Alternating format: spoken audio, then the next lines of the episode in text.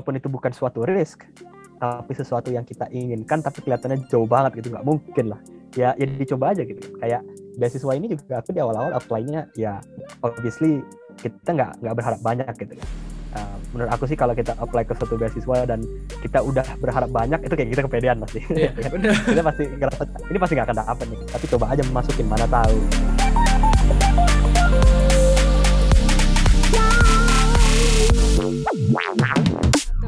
Halo teman-teman semua, ini adalah 15 menitan dan official podcast by Broadening dan di sini ada aku Nia dan juga ada co-host aku Stefan. Hai Stefan. Hai everyone.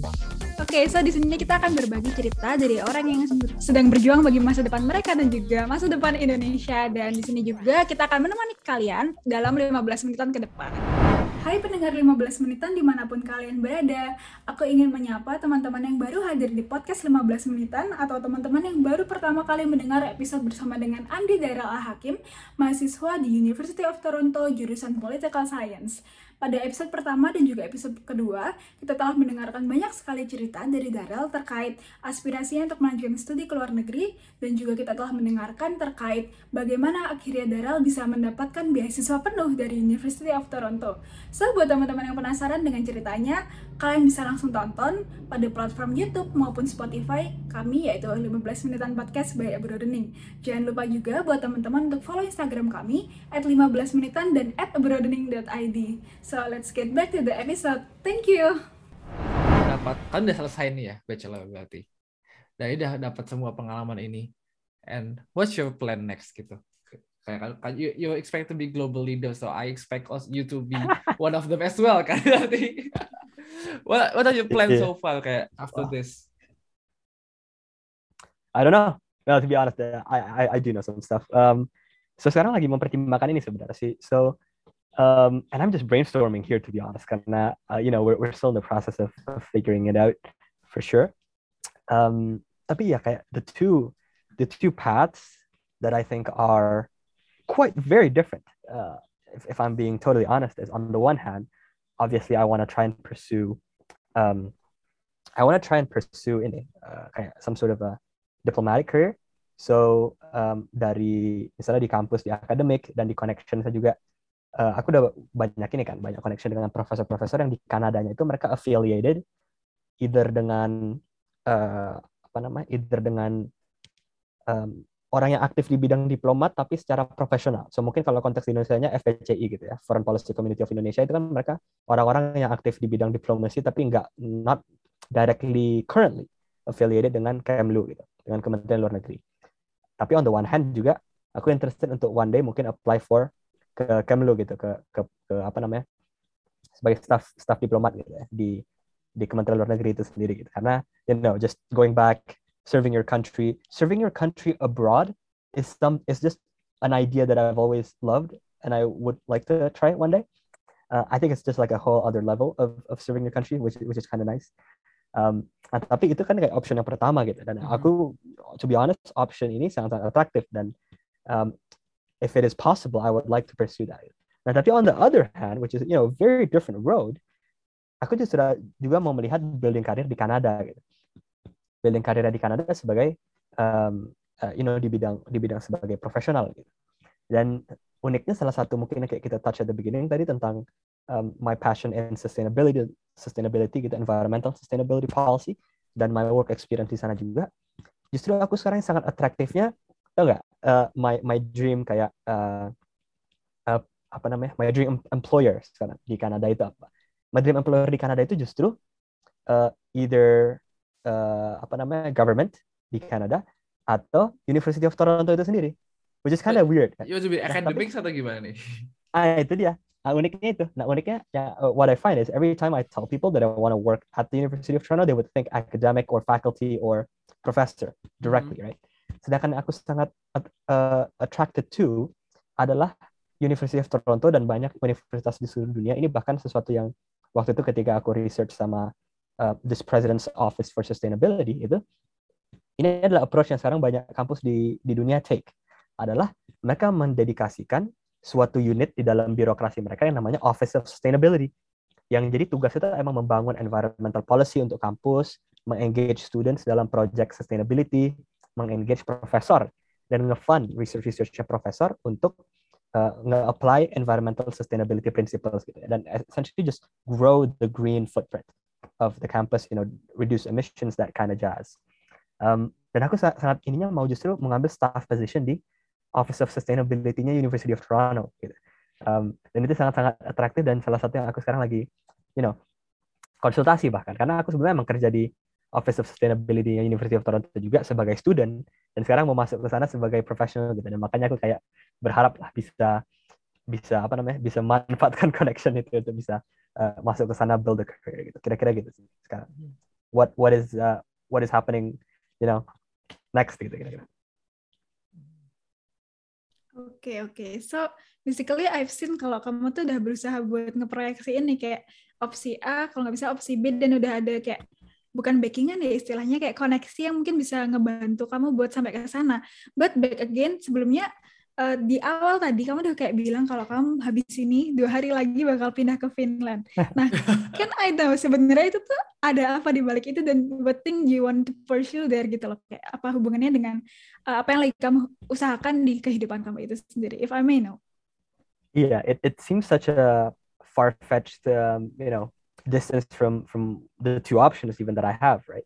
Um, tapi uniknya justru aku sekarang bahkan uh, aku baru sadar aja tadi pas pas Nia uh, kayak laid out that question adalah bahwa sebenarnya Finland ini sangat-sangat related dengan not only one but both of those kayak jalan tadi gitu, jalan yang bercabang tadi itu.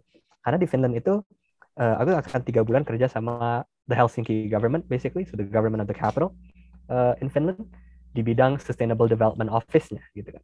Nah, jadi ngebuat policy untuk sustainable development, untuk environmental sustainability policy, dan mereka akan nge-showcase-nya di uh, di forum-forum internasional gitu. Kayak sekarang uniquely aja my supervisor is, is actually the Helsinki's kayak managing director for EU affairs. Jadi kayak ke Brussels untuk ke European Union and stuff. I don't know if he's gonna, you know, invite me to go along.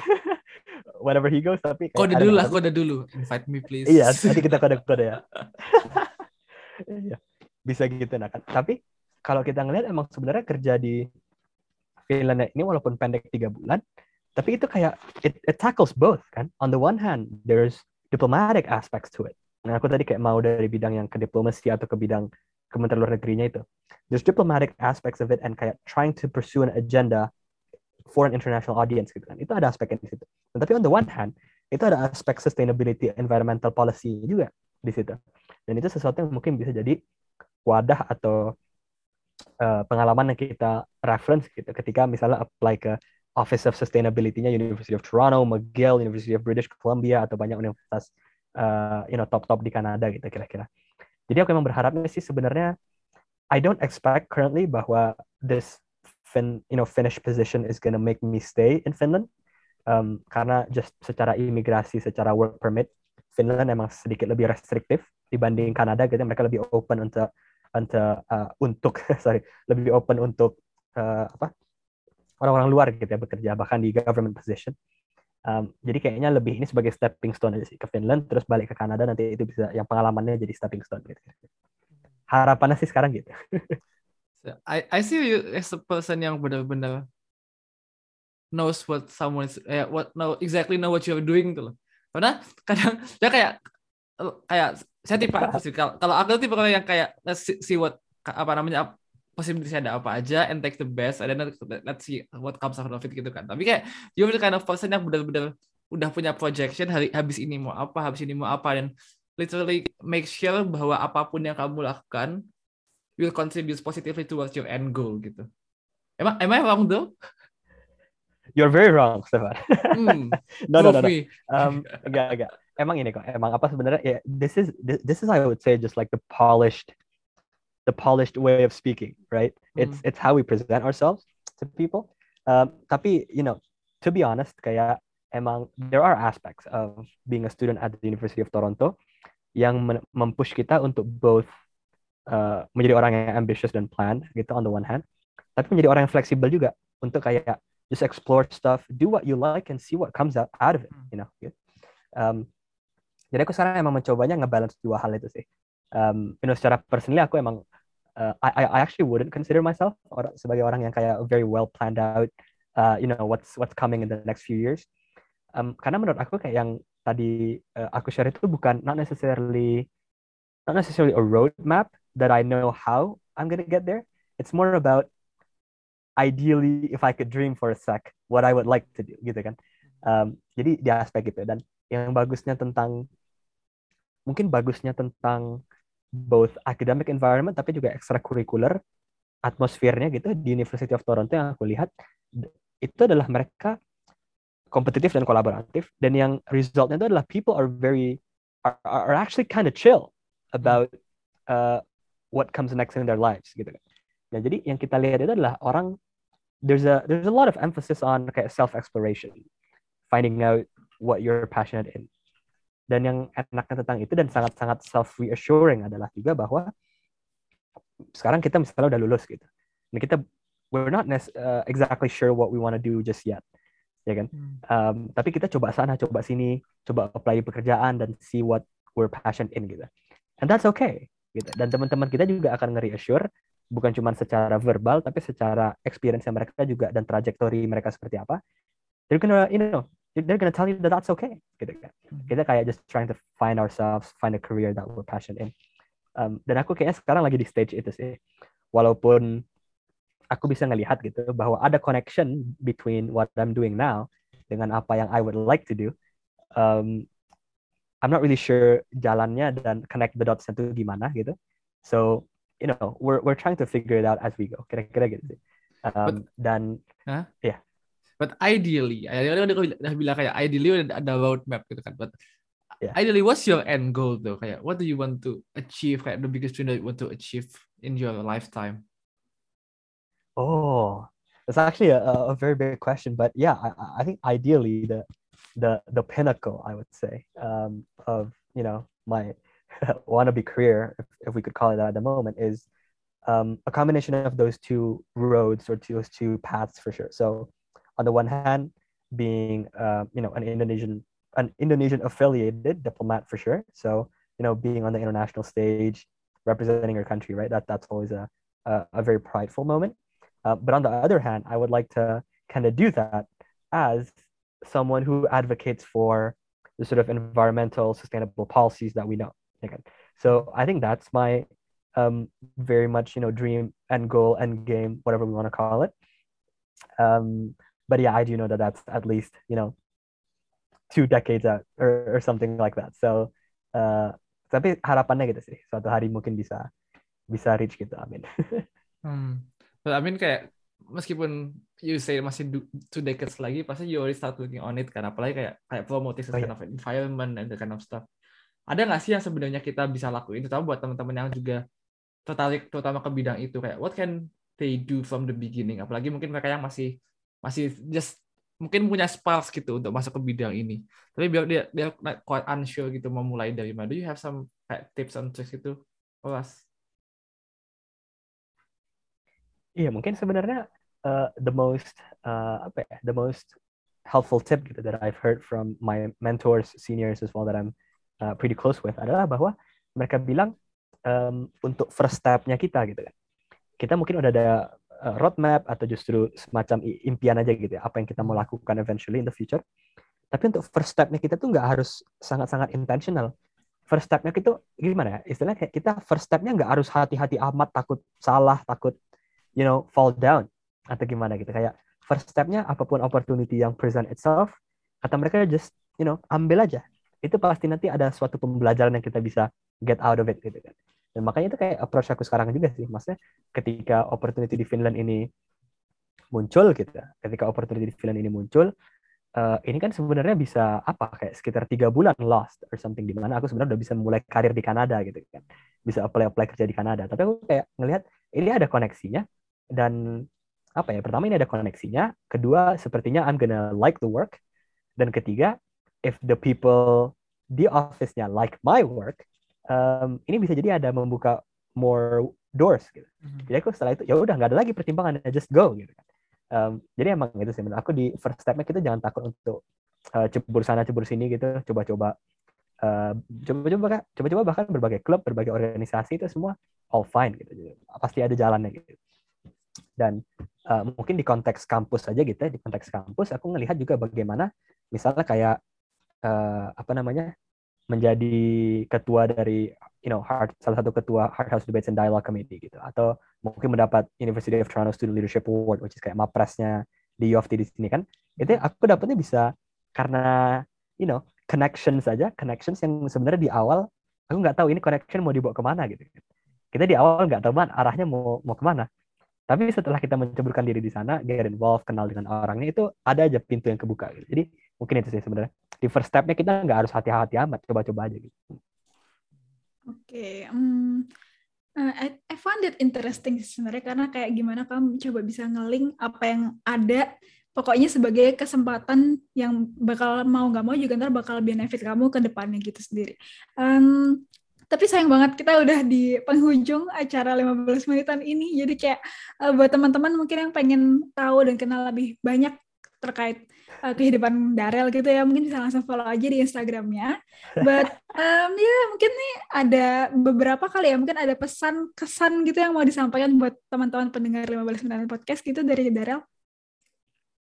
Waduh, ya mungkin kalau satu yang you know satu takeaway uh, from our discussion gitu nih ya sama Stefan mungkin emangnya jangan jangan takut mencoba itu mungkin ya. Jangan takut coba dan mengambil uh, risk itu gitu. Um, atau justru kalaupun itu bukan suatu risk tapi sesuatu yang kita inginkan tapi kelihatannya jauh banget gitu nggak mungkin lah. Ya ya dicoba aja gitu kan. Kayak beasiswa ini juga aku di awal-awal apply-nya ya obviously kita nggak nggak berharap banyak gitu kan.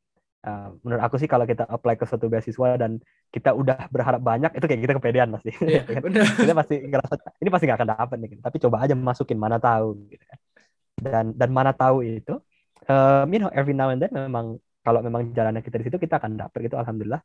Dan uh, ya gitu kayak jangan takut mencoba aja. Dan mungkin kalau ada ada kesempatan muncul tapi kesempatan yang sepertinya suatu diversion suatu uh, apa ya kayak you know changing course dari perjalanan atau dari roadmap yang kita udah punya ya jangan takut ngambil itu juga gitu. Walaupun misalnya kita ada kesempatan tapi kita kayak kita ini harus nggak ke sini nih harusnya saya jalannya tetap lurus ini nih. Ya ya nggak apa-apa ambil aja coba gitu. Lihat aja arahnya ke mana gitu kan. Um, kayak don't don't be afraid to make mistakes kayaknya. Uh, aku ngeliat kayak di di sini aja kayak kolaboratif kompetitif gitu mereka to the extent bahwa mereka appreciate kalau orang misalnya membuat mistake tapi niatnya benar tapi kayak membuat mistake dan an honest mistake and it's okay. Um, jadi mungkin gitu aja sih bahwa kita bisa um, kayak you know coba sana coba sini kalaupun kita nanti eventually find ourselves di tempat yang not according to plan um, that's just not according to our plan. But there's a plan there gitu. Ada juga nanti jalannya gitu. So, mungkin gitu sih. Oke oke, ini menarik banget. Jadi buat teman-teman kayak yang melihat sendiri nih Daryl kayak gimana achievementnya sebanyak apa tuh ya pasti awalnya ya karena eagerness itu ya buat mencoba semua yang bisa dia ambil gitu. So uh, mungkin itu aja dari kita. Thank you banget udah mau hadir di podcast ini dan bisa bincang-bincang sama kita di sini. Sayang banget udah uh, saatnya kita menutup podcast ini dan uh, ya yeah, this is us 15 menit podcast an official podcast by Everning. Dan ya, yeah, see you next time. Thank you. Bye-bye. Bye-bye. Terima teman-teman.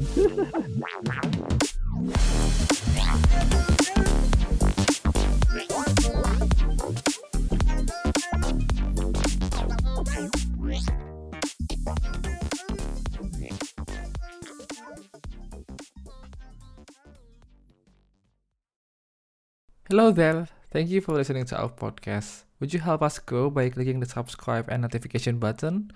Please? Thank you, and now back to the episode.